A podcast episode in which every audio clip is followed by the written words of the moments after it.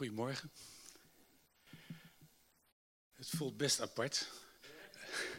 Drie lege rijen voor je neus.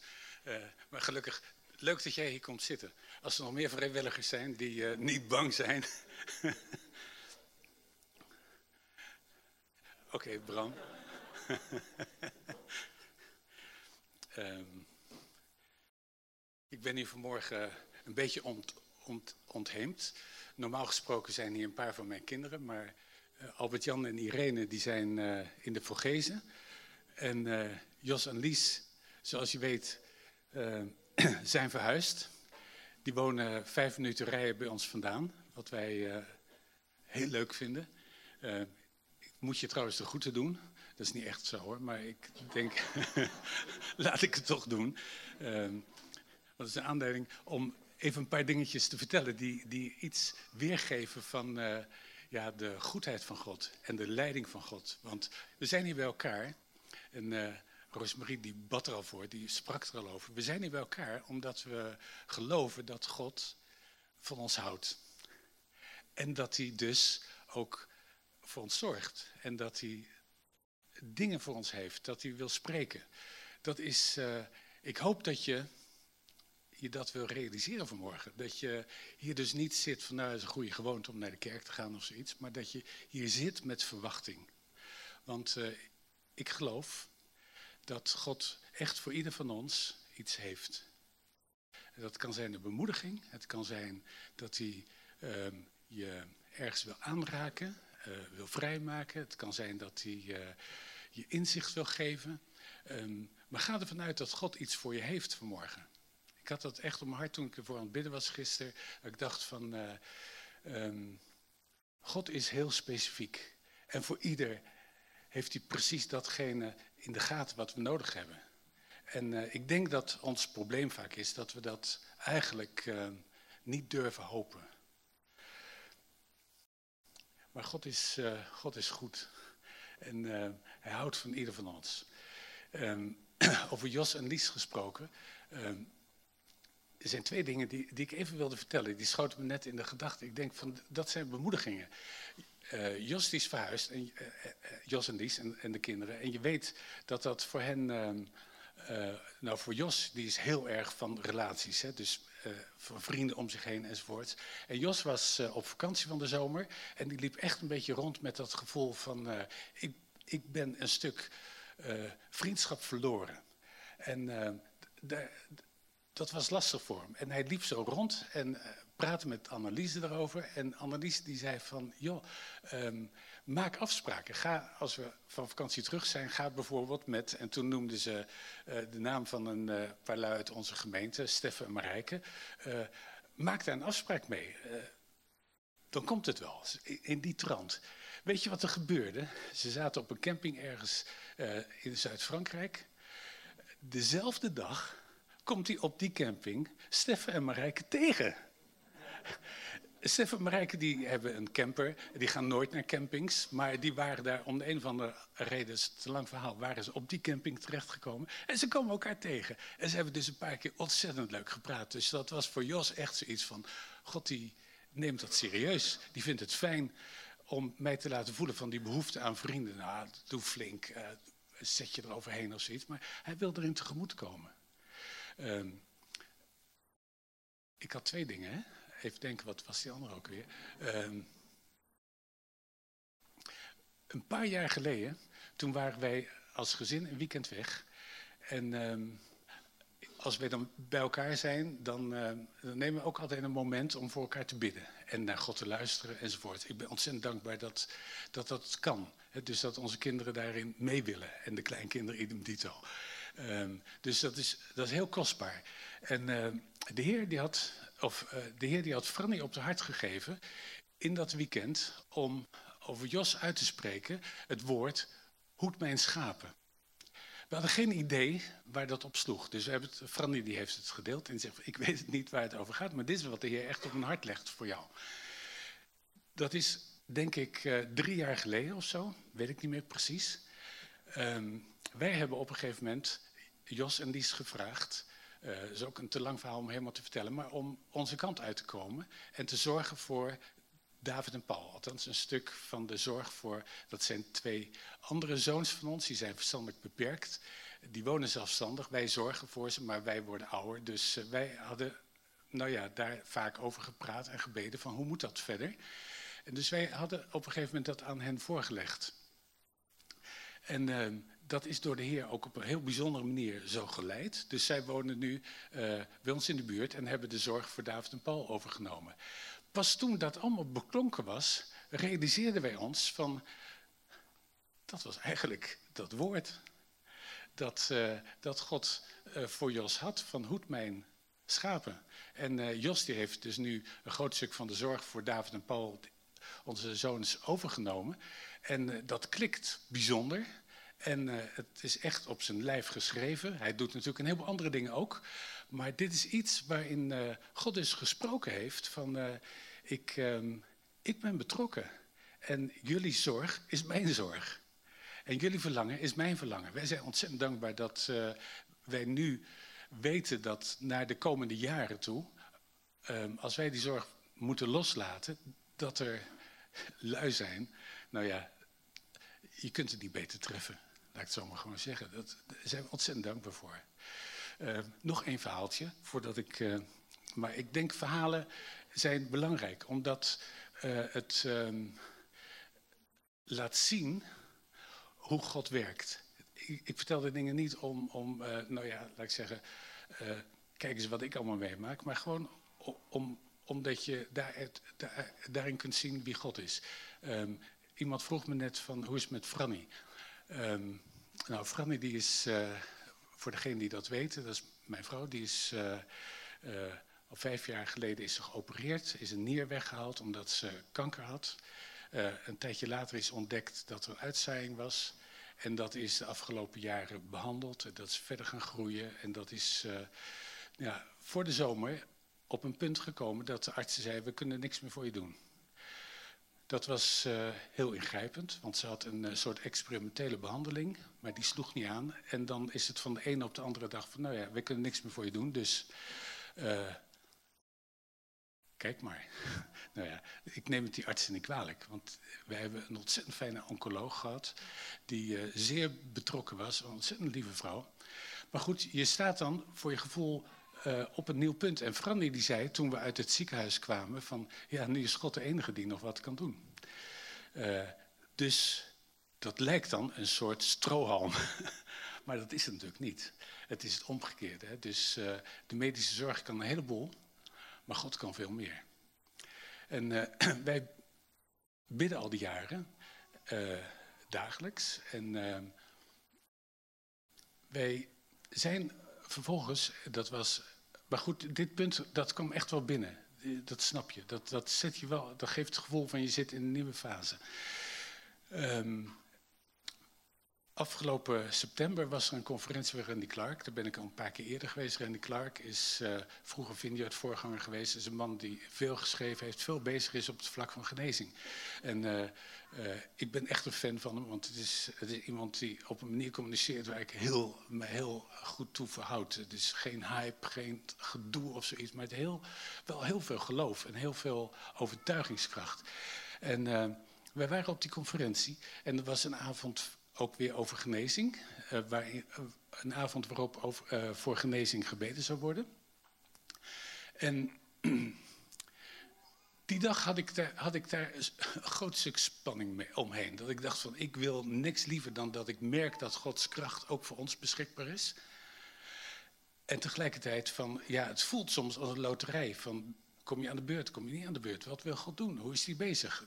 Dus dat vraagt ook heel veel overgave en vertrouwen. En ik denk dat dat proces in dat spanningsveld ons heel veel dichter naar Jezus getrokken heeft. Omdat je gewoon je realiseert van ja, uh, de verhouding met Hem, dat is eigenlijk het fundament van je hele leven. En dat is het enige waar je zekerheid aan, aan kunt ontlenen. Snap je? Dus die, die dag had ik daar wel dat spanningsveld voelde ik heel sterk. En die avond, toen er dus een tijd van bediening zou komen, had Randy gezegd van, uh, ik heb de mensen die in het uh, uh, gebedsteam zitten, die heb ik gevraagd om aan de Heer te vragen om iets te openbaren. rond een ziekte, rond nou ja, wat, wat God zou willen doen. En er was dus een rij van veertig lui die voor het podium stonden, zo ongeveer denk ik. en die hadden allemaal dingen van God ontvangen. Vind ik ook heel bijzonder, van dat God dan inderdaad blijkt te willen spreken. En dat, dat, dat hij dat, uh, ja, denk ik, veel meer wil doen dan dat wij uh, voor mogelijk houden of dat wij verwachten. De laatste persoon in die hele rij, die zei op een gegeven moment, uh, er is iets met een rechternier. Problemen met de rechternier. Dat was heel specifiek en dat is exact wat bij Fran gebeurt. De rechternier die, is, uh, die was zo groot als een kinderhoofdje, die is weggehaald. En uh, nou ja, goed, wat vervolgens de nasleep was, heb ik net verteld. Dus uh, Fran die, dacht in eerste instantie van ja, rechternier. Ik heb geen rechternier meer. dus ja, moet ik daar op naar voren gaan. Uh, toen zat er een jongen voor ons die we helemaal niet kenden. En ik weet niet of hij gehoord heeft wat Fran die zei, maar hij draait zich om en hij zegt, je moet wel gaan. Dus Franny ging naar voren en er is voor haar gebeden. Uh, ze heeft niks gevoeld. Maar het heeft voor mij zoveel geloof gegeven van uh, God is erbij betrokken. En wat hij precies gedaan heeft, of aan het doen is, of nog gaat doen, geen idee. Maar tegelijkertijd uh, het besef dat God dus in een zaal van duizend man uh, zijn vinger uitsteekt en zegt van, ik heb een woord voor jou.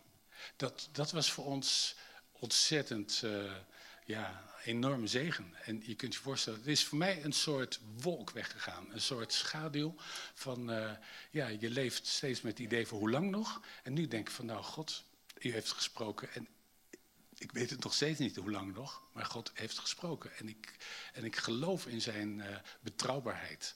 Nou, dat is, um, zomaar een paar verhalen waar, waarvan ik denk, ik hoop dat ze je stimuleren. Ja? Komt dat over? Ik, uh, God zit ook vanmorgen naar jullie te kijken. En uh, hij wil veel meer dan dat wij bidden of beseffen. Echt waar. Echt waar. En uh, ik zou zeggen van... Zou een moment gewoon stil kunnen zijn? Dat je zegt van nou, ik, ik vertel tegen de Heer, nu op dit moment, wat is nou datgene waar ik naar verlang? datgene waar ik op hoop. Datgene wat ik heel graag zou willen dat God doet. Of misschien wel, ik weet het niet, maar heeft u een idee? Uh, misschien is dat nog een betere vraag. Dus gewoon even een moment stil zijn. Heer, ik bid u dat u spreekt tot ieder van ons. En dat u ons verwachting geeft.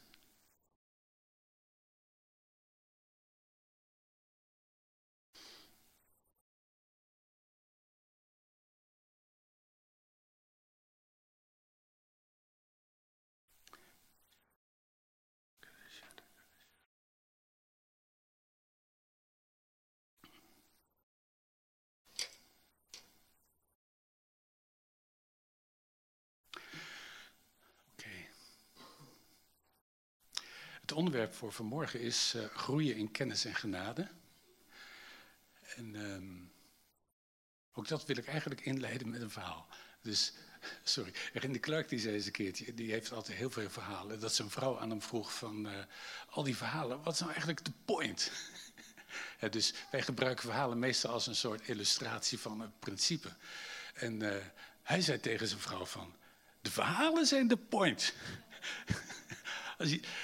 de Bijbel staat vol met verhalen en uh, wij gaan er dan over filosoferen. Maar in feite is het soms al genoeg om een verhaal tot je door te laten dringen. Gewoon je te verplaatsen in de personen die beschreven worden. En dan weet je al van, nou, hun reactie is mijn reactie. Of uh, laat ik anders reageren. Uh, dus verhalen zijn niet een soort illustraties van geestelijke principes. Dat, dat is voor mij, denk ik wel, bij kennis en genade een springend punt. Wij hebben kennis vaak gereduceerd tot abstracte principes. net zoals wiskunde. Dan, dan uh, zijn er allerlei ingewikkelde problemen enzovoort. En als we dan de formules uh, snappen en kunnen hanteren op het goede moment, dan hebben we de zaak onder de knie. Zo gaan wij ook om met kennis. Dan wordt het een soort verzameling van feiten en van dingen die we weten, waar we houvast aan ontlenen. En um, als het nou gaat over groeien in kennis en genade, dan denk ik van, ik denk dat kennis over iets veel meer, over veel meer gaat. Dat kennis gaat over uh, relatie. Want Jezus is de waarheid. Jezus is de waarheid. De waarheid is niet een principe, een formule. Jezus is het woord. En hij is degene die zijn stempel heeft gedrukt op de hele schepping, op ieder van ons. En als het over genade gaat, dan is dat niet van, uh, um, ja, ik, uh, ik probeer het goed te doen, maar dat lukt niet altijd. En gelukkig is er vergeving en mag ik weer uh, nou, die dingen achter me laten. Zo gaan wij ook vaak om met genade. Ik denk dat ook dat een ontzettende magere, gereduceerde voorstelling is van zaken. Dat genade over veel meer gaat. Genade betekent dat je mag leven vanuit een overvloed die God geeft. Die oneindig veel verder gaat dan wij kunnen bidden of beseffen.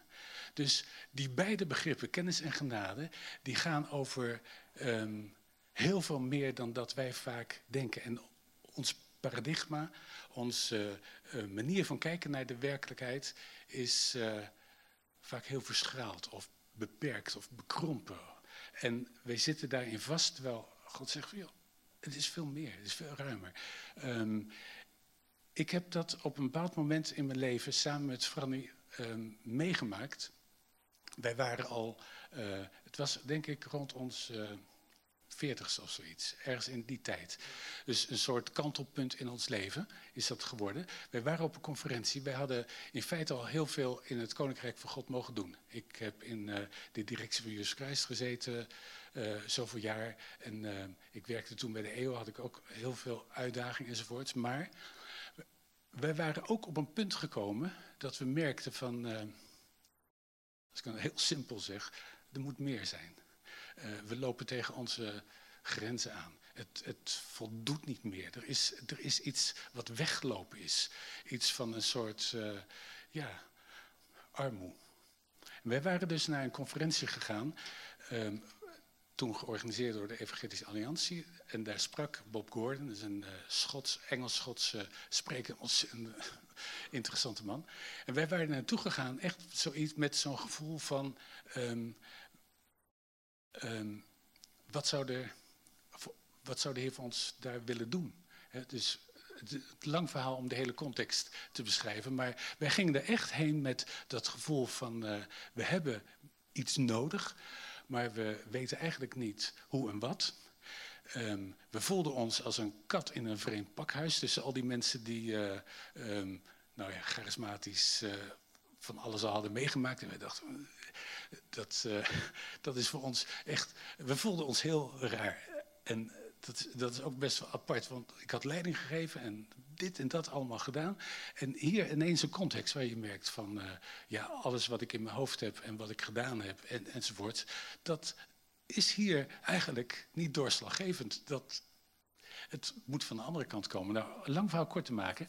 Er was een avond waarop dus een uitnodiging was van wil je echt in die rivier stappen. Die rivier uit Ezekiel 47, voor degenen die het niet kennen, dat is uh, het verhaal over Ezekiel, dat hij bij die tempelbeek komt en God daagt hem uit. Eerst uh, zijn enkels, zijn knieën, tot zijn heupen en vervolgens zegt hij, uh, ga nog een stapje verder. En toen had hij geen vaste grond meer onder de voeten en werd hij door de stroom van de rivier meegenomen. En dat was het beeld, dat is natuurlijk een ontzettend mooi beeld van het werk van de Heilige Geest. Hè? Dat je zegt van, de Heilige Geest wil ons helpen om als het ware in, die, uh, in dat krachtenveld van Hem te komen. Waarbij je dus ook tegelijkertijd weet van ja, maar dat voelt ook eng. Want ik kan dan niet meer zelf uh, zeggen van nou, nu is er even genoeg. Ik neem een stapje terug, want je wordt meegesleurd als het ware. Wij hebben erop gereageerd op die boodschap. En uh, in die tijd van bediening had die Bob Gordon een beeld voor mij dat hij zei van, ik zie je met een paar landkaarten in je hand. En God die zegt van, uh, lever die kaarten maar in. Ik wil een nieuwe kaart voor in de plaats geven. En het aparte was dat ik op datzelfde moment wist, die kaarten gaan over aan de ene kant mijn rationalisme en aan de andere kant mijn wetticisme. De twee pilaren die in mijn leven een heel belangrijke rol speelden. Dus rationalisme, dus het, het dingen begrijpen, het, uh, het uh, inzicht, de dingen die ik allemaal wist, waar ik dus door nou, controle op mijn leven probeerde te krijgen. Aan de andere kant het wetticisme van je moet je best doen, goed doen. Eigenlijk moet ik zeggen, die andere kaart, was voor mij Calvinisme. Dus, dus die hele erfenis die ik, denk bij veel van ons, als het ware meedraag, dat geloof vooral te maken heeft met, uh, uh, met goed doen, je best doen en uh, je inzet. En dat hoort er allemaal bij. Maar voor mij was dat echt een kwestie van verdienen. Dus die twee, die twee kaarten, daarom eh, noem ik, vertel ik dat verhaal hier, hebben te maken met eigenlijk van hoe ga je om nou met kennis, als het gaat over groeien in kennis en groeien in genade, dan gaat het, voor mij ging het over die twee dingen. Um, het loslaten van je verstand als je belangrijkste wapen om controle te krijgen op het leven, of je belangrijkste middel. En het loslaten van dat idee dat jij het moet verdienen. En dat als jij maar goed je best doet, dat God dan uh, je zegent. Een beetje een open deur misschien. Maar voor mij ging dat heel diep. En toen dat punt van die nieuwe kaart. Um, dat was iets waar ik heel lang over gedaan heb voordat ik daar vat op kreeg. Net zoals ik heel lang gedaan heb om te durven zwemmen. Dat, dat eh, sorry, dat is een beetje dom om dat te vertellen. Maar ik heb er heel lang over gedaan voordat ik gewoon mezelf durfde toe, toe te vertrouwen aan het water. Uh, nou, datzelfde idee had ik een beetje met die nieuwe kaart. Van ik, uh, dit vraagt van mij heel veel. Van durf ik nou loslaten? Um, durf ik God te vertrouwen?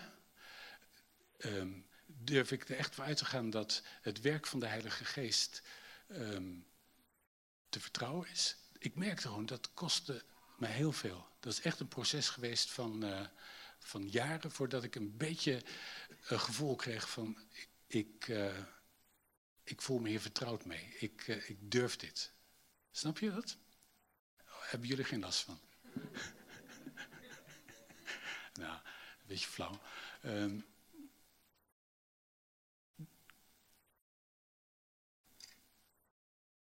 Ik heb een, uh, een boek pas in handen gekregen. Ik kom straks nog bij de Bijbel. Uh, dat beloof ik. ik heb pas een boek in handen gekregen. Daar wil ik heel kort iets over zeggen. Uh, hoe heet het? Randy Clark die beval dat aan. Dat is van een John Mark Ruthven. Dat is een hoogleraar theologie. En ehm, die man die, uh, heeft een boek geschreven... What is Wrong with Protestant Theology.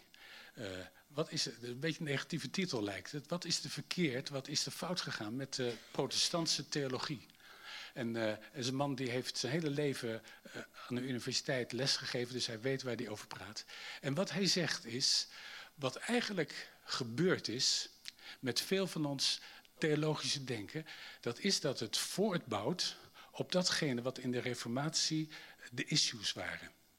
Dus in de reformatie um, die we dit jaar natuurlijk herdenken. Het is 500 jaar geleden eh, het verhaal van Luther.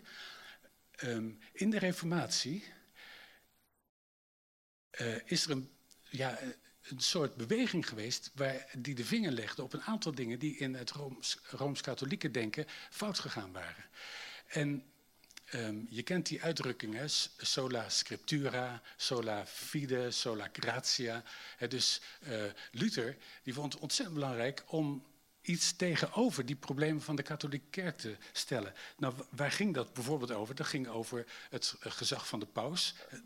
De paus die had dus het gezag om ex cathedra dingen te zeggen die bindend waren voor de gelovigen. En daar is denk ik veel misbruik van gemaakt. En Luther zette daar tegenover van de Bijbel. De Bijbel is ons, uh, ons uitgangspunt. Um, het hele punt van uh, de hemel verdienen, hè, dus de aflaatpraktijk. Dus je kon door allerlei dingen te doen, uh, kon je dus je plekje in de hemel verzekeren. Um, nou, Luther zei daar tegenover, het is, dat, is, dat is gewoon niet waar. Het gaat om genade, de genade van God. En ja, zo waren er meer dingen. De macht van de, van de priesters dus uh, missen waren in het Latijn. De priesters die uh, vervulden eigenlijk een soort machtspositie. Die hadden heel veel politieke invloed ook vaak. En Luther zei van het gaat over het priesterschap van alle gelovigen. Dat is iets wat ons ook heel vertrouwd klinkt en waar we ook heel veel waarde aan hechten.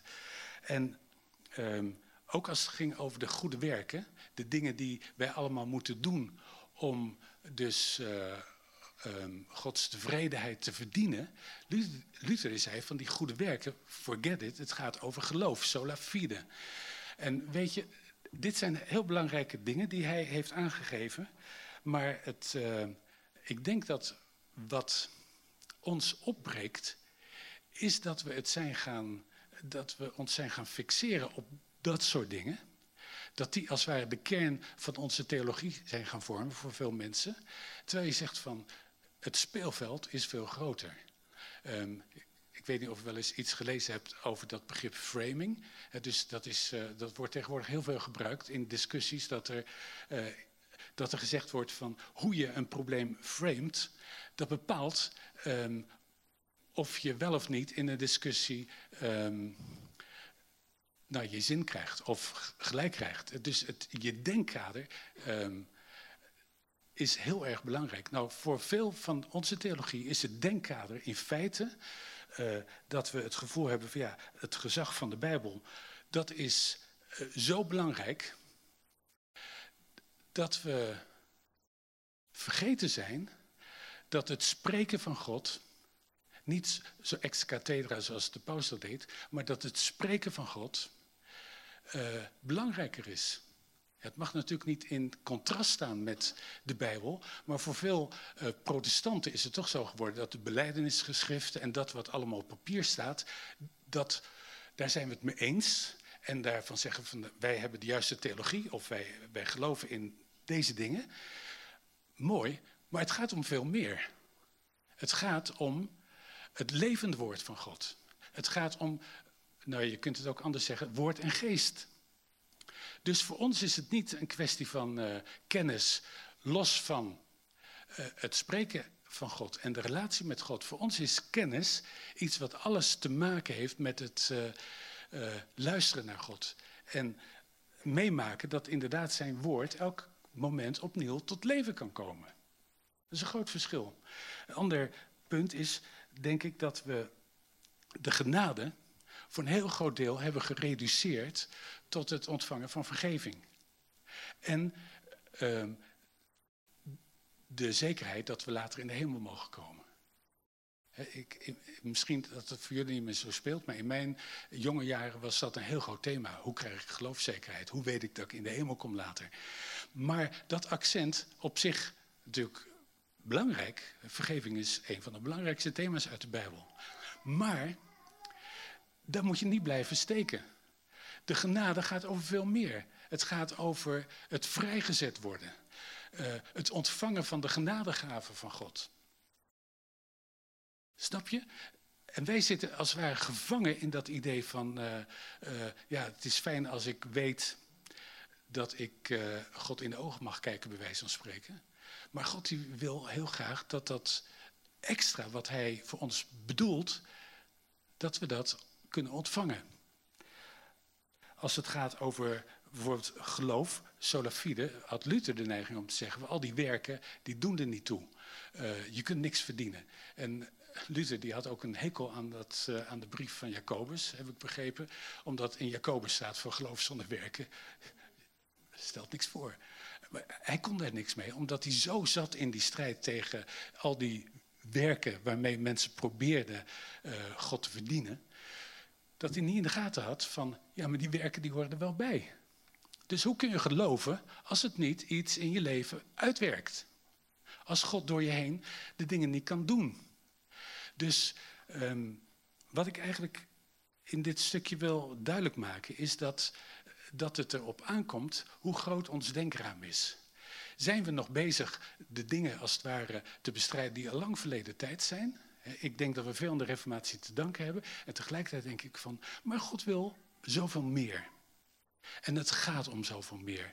En dan kom ik bij een gedeelte uit de Bijbel, wat ik uh, graag wil lezen. En ik denk dat uh, als je dit even op je in laat werken, dat je ook gelijk snapt van ja, daar zit het grote verschil. Dat is een stuk uit Filippenzen 3, waarin Paulus dus duidelijk maakt van het gaat om het kennen van Jezus. Als we het hebben over kennis en genade, dan gaat het over het uh, leven met Jezus zijn vriendschap, verbondenheid met hem. En uh, Paulus zegt dan in Filippenzen 3, en ik lees dan vanaf vers 4, even de context.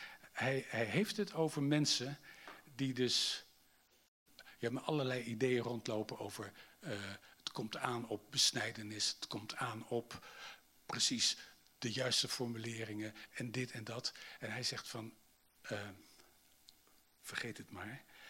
Uh, als je op die manier bezig bent, dan ben je eigenlijk op je vlees aan het vertrouwen. En dan zegt hij, indien een ander meent op vlees te kunnen vertrouwen, ik nog veel meer. Besneden ten achtste dagen uit het volk Israël, van de stam Benjamin, een Hebreeër uit de Hebreeën, naar de wet een Fariseer, naar mijn ijver een vervolger van de gemeente, naar de gerechtigheid van de wet onberispelijk. Dus, dus, Paulus zegt hier in feite van, ik heb heel veel waar ik uh, me op zou kunnen voorstaan. Heel veel wat ik uh, uh, goed weet. Ik heb een goede afkomst. Ik heb in de hoogste rangen gezeten van wat theologisch, de, de upper class enzovoorts. Maar wat mij winst was, heb ik om Christus wil schade geacht. Schade, dat is verlies. In plaats van dat ik denk van nou, mooi meegenomen, denk van, het staat me in de weg. Ik wil er vanaf. Uh, het, het, het, het zet me op het verkeerde been, snap je? Maar alles wat mij winst was, heb ik om Christus wil schade geacht. Voorzeker, ik acht zelfs alle schade omdat de kennis van Jezus Christus, mijn Heer, dat alles te boven gaat. Het gaat om het kennen van Jezus, de relatie met Hem. Om zijnentwil heb ik dit alles prijsgegeven en houd het voor vuil, vuilnis. Dus al die dingen die ik zo goed kan, het is vuilnis. Ik zet het bij het vuil. Opdat ik Christus mogen winnen, zegt hij dan opdat ik deel mag krijgen aan, aan Jezus. Ik weet niet wat er in jouw leven, wat, wat de dingen zijn waar je op vertrouwt. Ik heb net verteld, voor mij was dat mijn ratio en mijn, uh, mijn goede bedoelingen. Uh, er zijn heel veel dingen waar we op kunnen vertrouwen. Maar die vergeleken met het kennen van Jezus vuilnis zijn. En nou, God is niet tegen een goede opleiding. En God is niet tegen allerlei talenten die hij ons gegeven heeft. Maar op het moment dat we het daarvan verwachten, staat het ons in de weg. Want waar het echt om gaat, ten diepste op, om gaat, is dat Jezus in onze ruimte krijgt. Dat onze relatie met Jezus zodanig is dat uh, uh, hij het voor het zeggen heeft, dat hij dingen kan aangeven, dat we zijn vriendschap ervaren. Ik heb daar gisteravond uh, een tijdje over zitten uh, puzzelen, zitten dubben. Omdat ik merkte van, um, dat het voert te ver dit verhaal. Maar dat, ik merkte gewoon van die relatie met Jezus. Ik ben zo geneigd te kijken naar allerlei andere, andere dingen. Terwijl Jezus naast me staat. En die zegt van, joh, Johan, stop nou met gedoe. Stop nou met allerlei moeilijke dingen. Want ik wil je helpen. Ik wil je de dingen geven. Ik wil, je, ik wil met je praten. Je bent mijn vriend.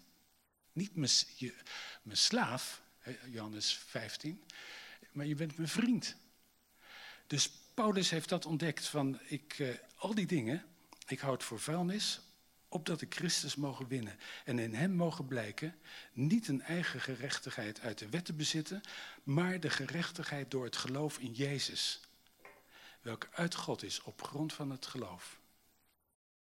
Dit alles om Hem te kennen en de kracht van zijn opstanding en de gemeenschap aan zijn lijden, of ik aan zijn dood gelijkvormig wordende zou mogen komen tot de opstanding uit de doden. Niet dat ik het reeds verkregen zou hebben of reeds volmaakt zou zijn, maar ik jaag ernaar. Of ik het ook grijpen mocht, omdat ik door Christus Jezus gegrepen ben. Broeders, ik voor mij acht niet dat ik het reeds gegrepen heb. Maar één ding doe ik, vergetend hetgeen achter me ligt en me uitstrekkende naar hetgeen voor mij ligt, jaag ik naar het doel om de prijs der roeping Gods die van boven is in Christus Jezus. Dat is een ontzettend geladen gedeelte. En uh, ik zou je eigenlijk willen, gewoon willen aanraden om daar voor jezelf uh, wat op door te gaan. En ik denk ook, uh, de kring gaat over ditzelfde thema. Misschien dat je dit gedeelte samen nog eens kunt uh, lezen. En je kunt afvragen van, werkt dit? Dus dat mijn gerechtigheid echt iets is wat Jezus in mij kan doen. Niet iets is wat ik met veel pijn en moeite zelf hoef te doen, maar de gerechtigheid waar het hier om gaat is datgene wat Jezus in ons kan doen, waar hij dus ook de credits voor krijgt. Um, dat punt van het lijden, um, wil ik aanvaarden dat er een prijskaartje hangt aan het kennen van Jezus? Want loyaliteit met hem betekent ook op een bepaalde manier een spanningsveld met degenen die, tegen hem zijn. En um, dat stukje vereenzelviging met zijn, uh, met zijn leven betekent ook dat wij diezelfde miskenning zullen meemaken. Dat we op dezelfde manier uh, dingen moeten incasseren. Uh, ook met dezelfde strijd te maken hebben. Nou, is dat welkom in ons leven? Herkennen we dat? Willen we dat? Ik heb gemerkt dat juist de periodes waarin je met lijden te maken hebt, dat dat je dichter brengt bij een besef van hoe bijzonder het is wat Jezus voor ons geleden heeft.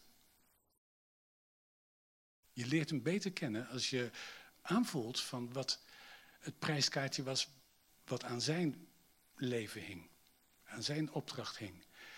Um, en dan wordt lijden ook iets wat we kunnen verdragen. Anders dan kunnen we alleen maar ons er tegen verzetten of ervoor weglopen. Maar uh, wat Paulus hier beschrijft, dat is eigenlijk een leven waarin je zegt van, uh, um, ik ben er nooit. Het is nooit, laat ik zeggen, relaxed, ontspannen, zelfgenoegzaam. Uh, ik weet het nou allemaal, ik heb zoveel ervaring en dat lukt me wel.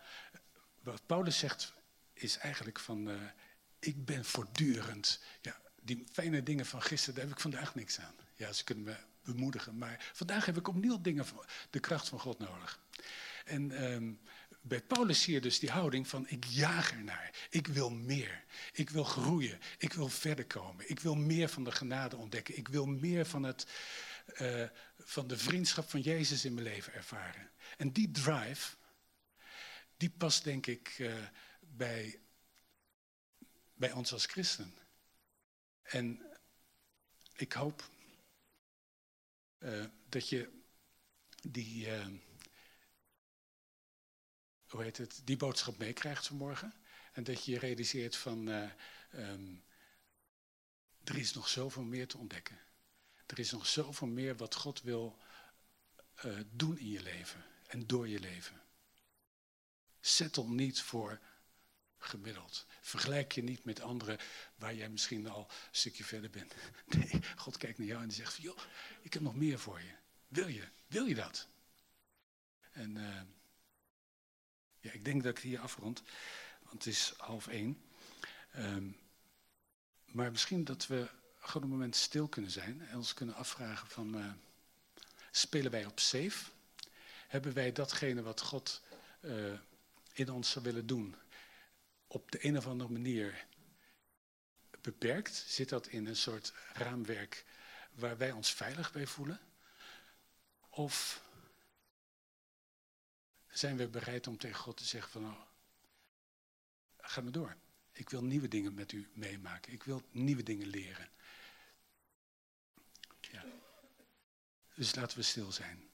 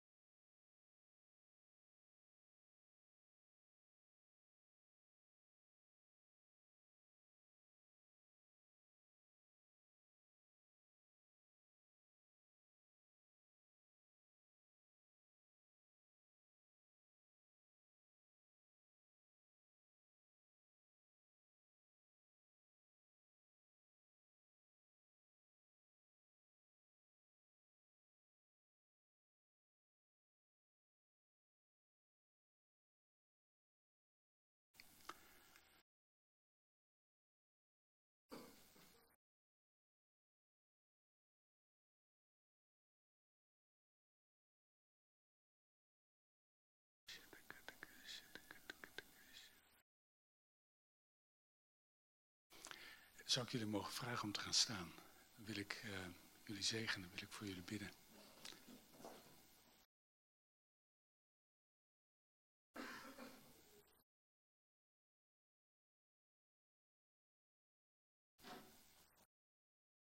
Heer, u heeft zoveel meer voor ons dan dat we beseffen.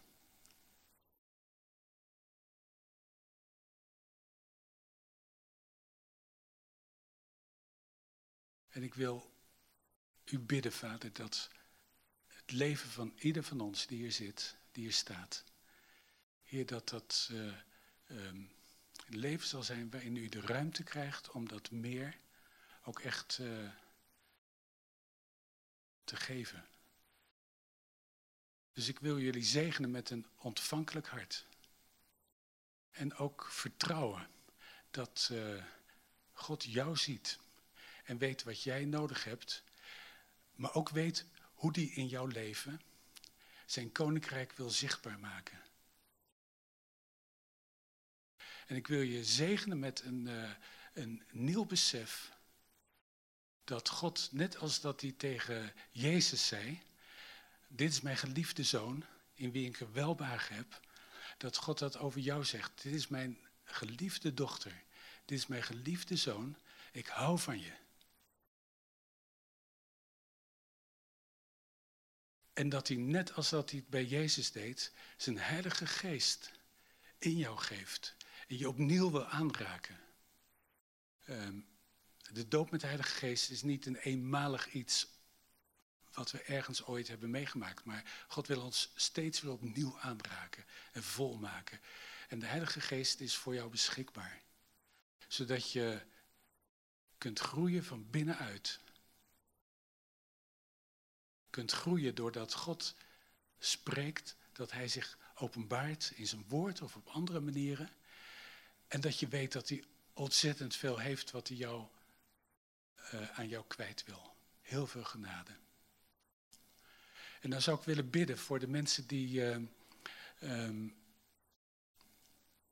ja, daar een beetje beducht voor zijn. En zoiets hebben van, uh, als ik veel verwacht, dan kan ik ook erg teleurgesteld raken. En teleurstellingen zullen er zijn in je leven.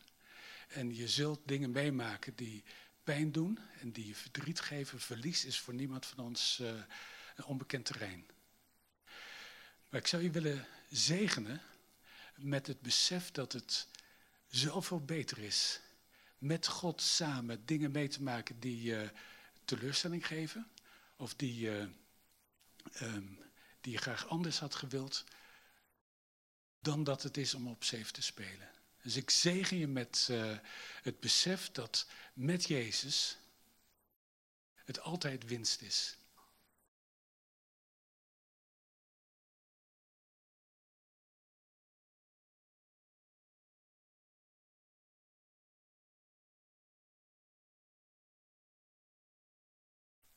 En ik zou ook dat eh, dat punt waar we, toen we stil waren, we hebben stilgestaan, dat wat God jou in je hart gaf, ook dat wil ik zegenen.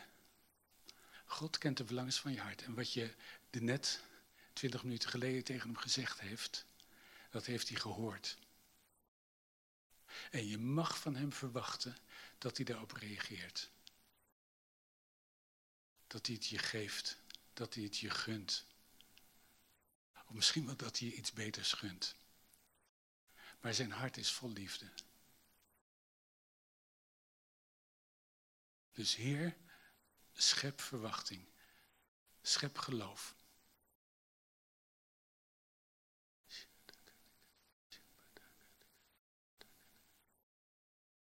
Ja. Ja, en ik zou ook willen vragen, zijn er mensen die ehm, eigenlijk nog niet echt met Jezus op weg gegaan zijn? Die nog zitten, bij wijze van spreken, in het stadium van de dogma's en van de theorie. Dan zou ik je willen uitnodigen om uh, een stap te zetten en uh, je koudwatervrees te overwinnen en in de rivier te gaan. En misschien is de doop wel een hele goede eerste stap daarin. Dus ik zou je willen uitnodigen om dat echt te overwegen. Om je zo met Jezus te identificeren dat je als het ware met hem onder water gaat. Met hem het graf ingaat. Zodat het opstandingsleven ook in jouw leven echt een uh, grotere realiteit wordt.